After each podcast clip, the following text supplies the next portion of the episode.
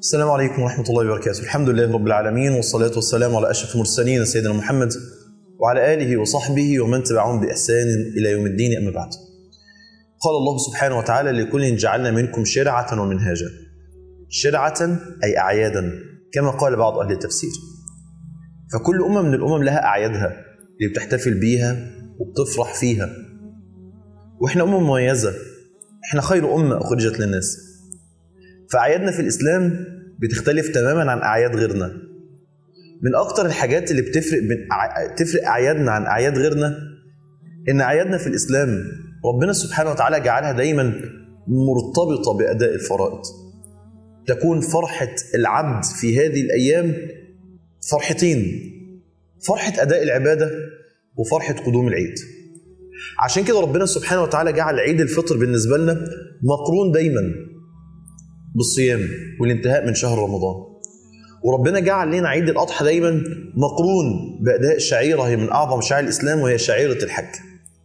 فعندنا العيد في الإسلام دايما مقرون بالعبادة حتى يوم الجمعة كيوم من الأيام اللي ربنا سبحانه وتعالى جعله للمسلمين عيد مقرون بصلاة الجمعة والاجتماع في الصلاة والاجتماع مع الناس حتى يوم الجمعة اللي ربنا سبحانه وتعالى جعله لنا عيد هو مقرون ومرتبط بصلاة الجمعة التبكير للمساجد والاجتماع مع الناس. من الحاجات دايما برضو اللي بيها يختلف تختلف الأعياد في الإسلام عن غيرها من الأعياد إن ربنا سبحانه وتعالى شرع لينا في الأعياد إن إحنا نفرح ونسعد ونحتفل ولكن من غير معصية. غيرنا العيد عندهم مقرون بشرب الخمر. غيرنا العيد عندهم مقرون والعياذ بالله بالزنا وبالفواحش. غيرنا والعياذ بالله العيد مقرون عندهم بالعري وغير ذلك. إنما سبحان الله الأعياد عند المسلمين من أعظم ضوابطها ومن أعظم ما يميزها إن هي لا يتخللها لا منكر ولا بدعة ولا شيء حرام. مما يميز أيضا الأعياد عندنا كمسلمين عن غيرنا إن ربنا سبحانه وتعالى أمرنا في الأعياد بإظهار العبادة. وده كان من هدي النبي صلى الله عليه وسلم. إنه كان صلى الله عليه وسلم في الأعياد كان أول حاجة بيستفتح بيها يوم العيد إنه يذهب إلى الصلاة ويظهر عبادته وطاعته. علشان كده كان من هديه صلى الله عليه وسلم إنه كان بيروح لصلاه العيد من طريق ويرجع من طريق آخر. وكان بيحثنا يوم العيد الصبح على ترديد التكبير علشان التكبير يملأ جنبات الكون في هذا الوقت. وربنا سبحانه وتعالى جعل للأعياد حكمة على رأس هذه الحكم إن هي فرصة ما شاء الله لترويح الإنسان منا عن نفسه من هموم الحياة ومن مشكلات الحياة. فرصة إنك تفرح. الأمر الثاني شرعت الأعياد عندنا في الإسلام لتوطيد العلاقات الاجتماعية ونشر المودة والرحمة بين المسلمين. الأعياد الناس كلها بتتواصل. الولد بيروح يزور والده ووالدته برا بهما. والإنسان منا بيلف على عمته وعمه وخاله وخالته وعلى عيلته كلها. صلة للرحم. بنروح نزور جيراننا من باب إحسان الجار وبنتقابل كلنا في صلاة العيد من باب التواد والتواصل بين المسلمين. كمان أيضا شرعت عندنا الأعياد لكي نشكر الله سبحانه وتعالى على تمام نعمته وفضله وتوفيقه لنا على إتمام العبادات سواء في عيد الفطر أو في عيد الأضحى. كمان شرعت لنا هذه الأعياد ربنا شرع لنا هذه الأعياد بحكمته حتى تستكمل حلقة البر في المجتمع الإسلامي. فإذا كان البر وأعمال الخير في الأيام العادية سنة وفعل مأمور به إلا إن هي في في الأعياد أمر مؤكد عليه.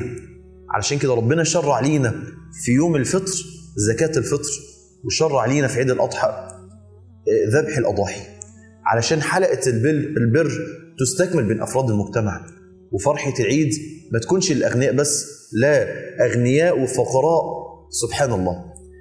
شرعت لنا الأعياد وربنا سبحانه وتعالى جعل من أهم الأمور اللي ينبغي علينا أن إحنا نظهرها في الأعياد الفرحة والسرور.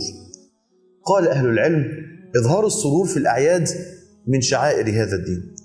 وشرع النبي صلى الله عليه وسلم وقرر وأباح إظهار الفرح وإعلان السرور في الأعياد. أنس رضي الله عنه بيقول قدم النبي صلى الله عليه وسلم المدينة ولهم يومان يلعبون فيهما. فقال النبي صلى الله عليه وسلم إن الله أبدلكما إن الله أبدلكم بهما خيرا منهما يوم الأضحى ويوم الفطر. النبي صلى الله عليه وسلم ما أنكرش عليهم اللعب وإظهار الفرحه وإنما أنكر عليهم إن هم بيلعبوا ويفرحوا في أيام خلاف أيام العيد بتاعتنا. النبي صلى الله عليه وسلم لما دخل عليه الصديق رضي الله عنه وكانت السيدة عائشة في يوم عيد قاعدة هي وبنتين من جواري الأنصار يغنيان بغناء يوم بعاث. لا يخفى عليكم أيضا أن الحبشة كانت تلعب بالحراب داخل مسجد النبي صلى الله عليه وسلم. وكان النبي صلى الله عليه وسلم يقول لتعلم اليهود أن في ديننا فسحة وأنني بعثت بالحنيفية السمحة. والمعنى ده إن إظهار الفرحه والسرور من شعائر الإسلام يخلينا نأكد على خطأ بيقع فيه كتير من الناس في هذه الأيام. يعني على رأس هذه الأمور تخصيص بعض الناس أيام العيد بزيارة القبور وهي بدعة منكرة وهي بدعة مكروهة. وقد تكون حراما إذا رافقها الأمور المنكرة التي نشاهدها في أيامنا. خروج النساء المتبرجات إلى القبور واختلاط النساء بالرجال وانتهاك حرمات الأموات من الجلوس على القبور ووطئها بالأقدام وغير ذلك من الأمور المخالفة للشرع. للأسف بعض الناس يوم العيد المفترض إن إحنا نفرح فهو تلاقيه يوم العيد الصبح كئيب أنت كئيب ليه يا ابني؟ يقول لك أصل روي عن بعضهم. أيوه. مين بعضهم دول؟ مين بعضهم دول؟ روي عن بعض المتقدمين. يا سيدي مين المتقدمين؟ روي عن بعض المتقدمين. أنه رأى قوما يضحكون في يوم عيد فقال إن كان هؤلاء تقبل منهم صيامهم فما هذا بفعل الشاكرين؟ وإن كان لم يتقبل منهم فما هذا بفعل الخائفين؟ يعني حضرتك عايز إيه سيادتك؟ سيادتك عايز الناس تبقى كئيبة في يوم العيد؟ حضرتك عايز الناس تبقى ضربة بوز يوم العيد؟ ليس هذا أبدا من هدي الإسلام. إنما هدي الإسلام إظهار الفرحة والسعادة والسرور في هذا اليوم.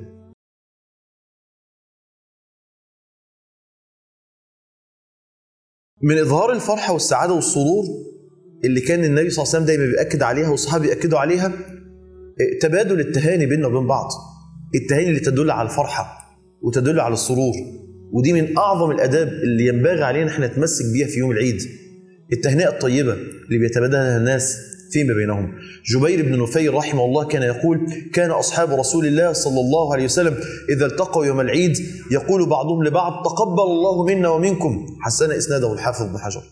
وكان خالد بن معدان رحمه الله يقول لقيت واثلة بن الأسقع الصحابي الكريم في يوم عيد فقلت له تقبل الله منا ومنك فقال نعم تقبل الله منا ومنك التهنئة كانت معروفة بين الصحابة ورخص فيها أهل العلم كالإمام أحمد وغيره ولا ريب أن هذه التهنئة من مكارم الأخلاق ومن محاسن المظهر الاجتماعي بين المسلمين. محمد بن زياد رحمه الله كان يقول كنت مع أبي أمامة وغيره من أصحاب النبي صلى الله عليه وسلم فكانوا إذا رجعوا من العيد يقول بعضهم لبعض تقبل الله منا ومنكم من إظهار الفرحة والسعادة والسرور من العيد أن الإنسان يخرج لصلاة العيد متنظف متطيب في أحسن ثيابه. فهذه من أعلى صور الفرحة والسعادة والسرور. يقول عبد الرحمن يقول زازان سألت علي بن أبي طالب رضي الله عنه عن الغسل فقال اغتسل في كل يوم إن شئت. قال لا الغسل الذي هو غسل. قال في يوم عرفة يوم الأضحى في يوم الفطر وفي يوم الجمعة. اهتم جدا بالأربع أيام دول. وصح في الموطأ عند الإمام مالك في موطئه عن عبد الله بن عمر أنه كان يغتسل يوم الفطر قبل أن يغدو إلى المصلى. وصح عن سعيد بن جبير أنه قال سنة العيد ثلاث المشي والاغتسال والأكل قبل الفطر والأكل قبل الفطر. وهذا من كلام سعيد بن جبير ولعله أخذه من أصحاب رسول الله صلى الله عليه وسلم.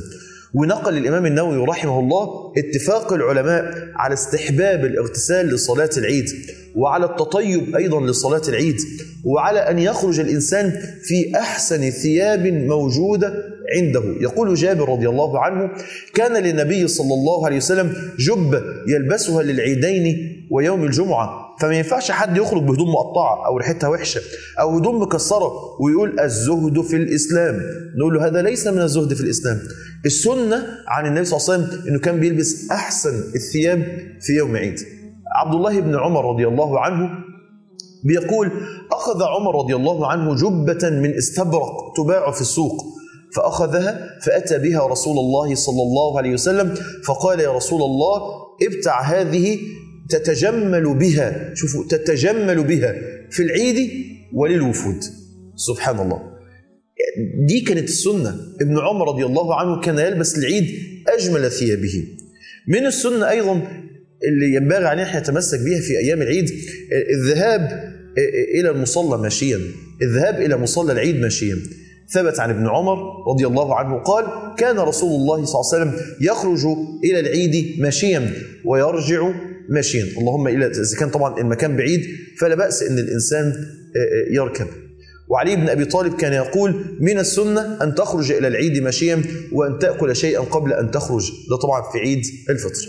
قال الترمذي رحمه الله والعمل على هذا الحديث عند أكثر أهل العلم يستحبون أن يخرج الرجل إلى العيد ماشيا ويستحب الا يركب إلا من عذر. وكان ابن عمر رضي الله عنه يخرج إلى العيد ماشيا ويعود ماشيا مش كده وبس. ده كان كمان من الأمر المهم جدا إنك تخالف بين الطريقين إنك تروح من طريق وترجع من طريق. ده كله ليه؟ لتكثير الشهود والإحياء التكبير في كل شوارع المسلمين. ويستحب لينا في يوم العيد إن الكل يخرج رجال ونساء وأطفال وشيوخ. الكل يخرج. يقول أبو سعيد الخدري رضي الله عنه أمرنا النبي صلى الله عليه وسلم أن نخرج أن نخرج العواتق وذوات الخدور والحيض ليشهد الجميع الخير ودعوة المسلمين. ثم قال صلى الله عليه وسلم ويعتزل الحيض المصلى. وعن ابن عمر أنه كان يخرج كان يخرج إلى العيدين من استطاع من أهله. كل من يستطيع أن يخرجه من أهله فليخرج. ما أجمل إن الأب والأم والأولاد والأطفال الكل خارج رايح يصلي العيد. عايز أأكد على حاجة مهمة جدا. عايز أأكد على حاجة مهمة جدا. ما ينفعش نصوم أيام العيد. النبي صلى الله عليه وسلم نهى عن ذلك. حرم النبي صلى الله عليه وسلم صيام يوم العيد. كما ثبت من حديث أبي سعيد الخدري رضي الله عنه نهى رسول الله صلى الله عليه وسلم عن صيام يومين يوم الفطر يوم الفطر ويوم النحر. ده يوم الناس فيه بقى رايحين يصلوا وهيلفوا على بعض وهيزوروا. اليوم ده يوم تفرغ لصلة الأرحام وبر الوالدين والإحسان إلى الجيران وزيارة الأهل والأصحاب. فمهم جدا إن إحنا نهتم إن في هذين اليومين نكون مفطرين زي ما النبي صلى الله عليه وسلم فعل. فحرام علينا إن إحنا نصوم هذه الأيام. من الأخطاء اللي بيقع فيها بعض الناس في أيام العيد إنه ما بيصليش صلاة العيد اللي هي سنه مؤكدة عن رسول الله. وبعضهم إذا صلى ما بيسمعش الخطبة وإن كان الأفضل والمستحب إن الإنسان منا يقعد ويسمع الخطبة يقول النووي رحمه الله ويستحب للناس استماع الخطبة وليست الخطبة ولا استماعها شرطا لصحة صلاة العيد ولكن من السنة عن رسول الله صلى الله عليه وسلم أنه كان يستحب لنا أن نجتهد في سماع الخطبة وفي صلاة العيد بين بيننا. من الأشياء المهمة جدا ينبغي علينا إن إحنا لازم نهتم بيها إن العيد بالنسبة لنا طاعة وعبادة. مش معصية وبعد عن ربنا سبحانه وتعالى. العيد نعمة من ربنا سبحانه وتعالى من بها علينا. فينبغي إن إحنا نجتهد في هذا اليوم ونحرص بقدر المستطاع إن إحنا نبعد عن المعاصي ونبعد عن الذنوب ونخلي الأيام دي بالنسبة لنا يوم فرحة وسعادة ناخد بالنا من الاختلاط المستهتر اللي بيحصل في المساجد في, في مصليات العيد والاختلاط المستهتر اللي بيحدث في شوارع المسلمين والتبرج للأسف الذي يغضب الله سبحانه وتعالى في هذا الوقت. العيد فرحة وسعادة وسرور ولكن في طاعة الله سبحانه وتعالى. أسأل الله سبحانه وتعالى أن يجعل أيامكم دائما أيام عيد أيام فرحة وسعادة سرور هذا وصلى الله بنا محمد وآله وصحبه وسلم.